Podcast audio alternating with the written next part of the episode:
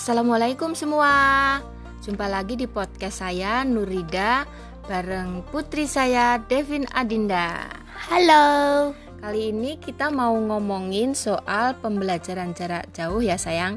Oke. Dari awal pandemi kemarin sampai Ha-ha. sekarang anak-anak sekolah kan mesti belajar di rumah ya kan. Iya. Nah pasti ada enak nggak enaknya dong. Ha-ha. Kalau menurut kamu enak nggak enaknya tuh apa aja? Enaknya dulu deh. Enaknya itu bisa belajar sambil rebahan. Terus nggak usah mandi sama bangun pagi, pagi banget gitu buat berangkat. Terus eh, nggak usah pakai seragam.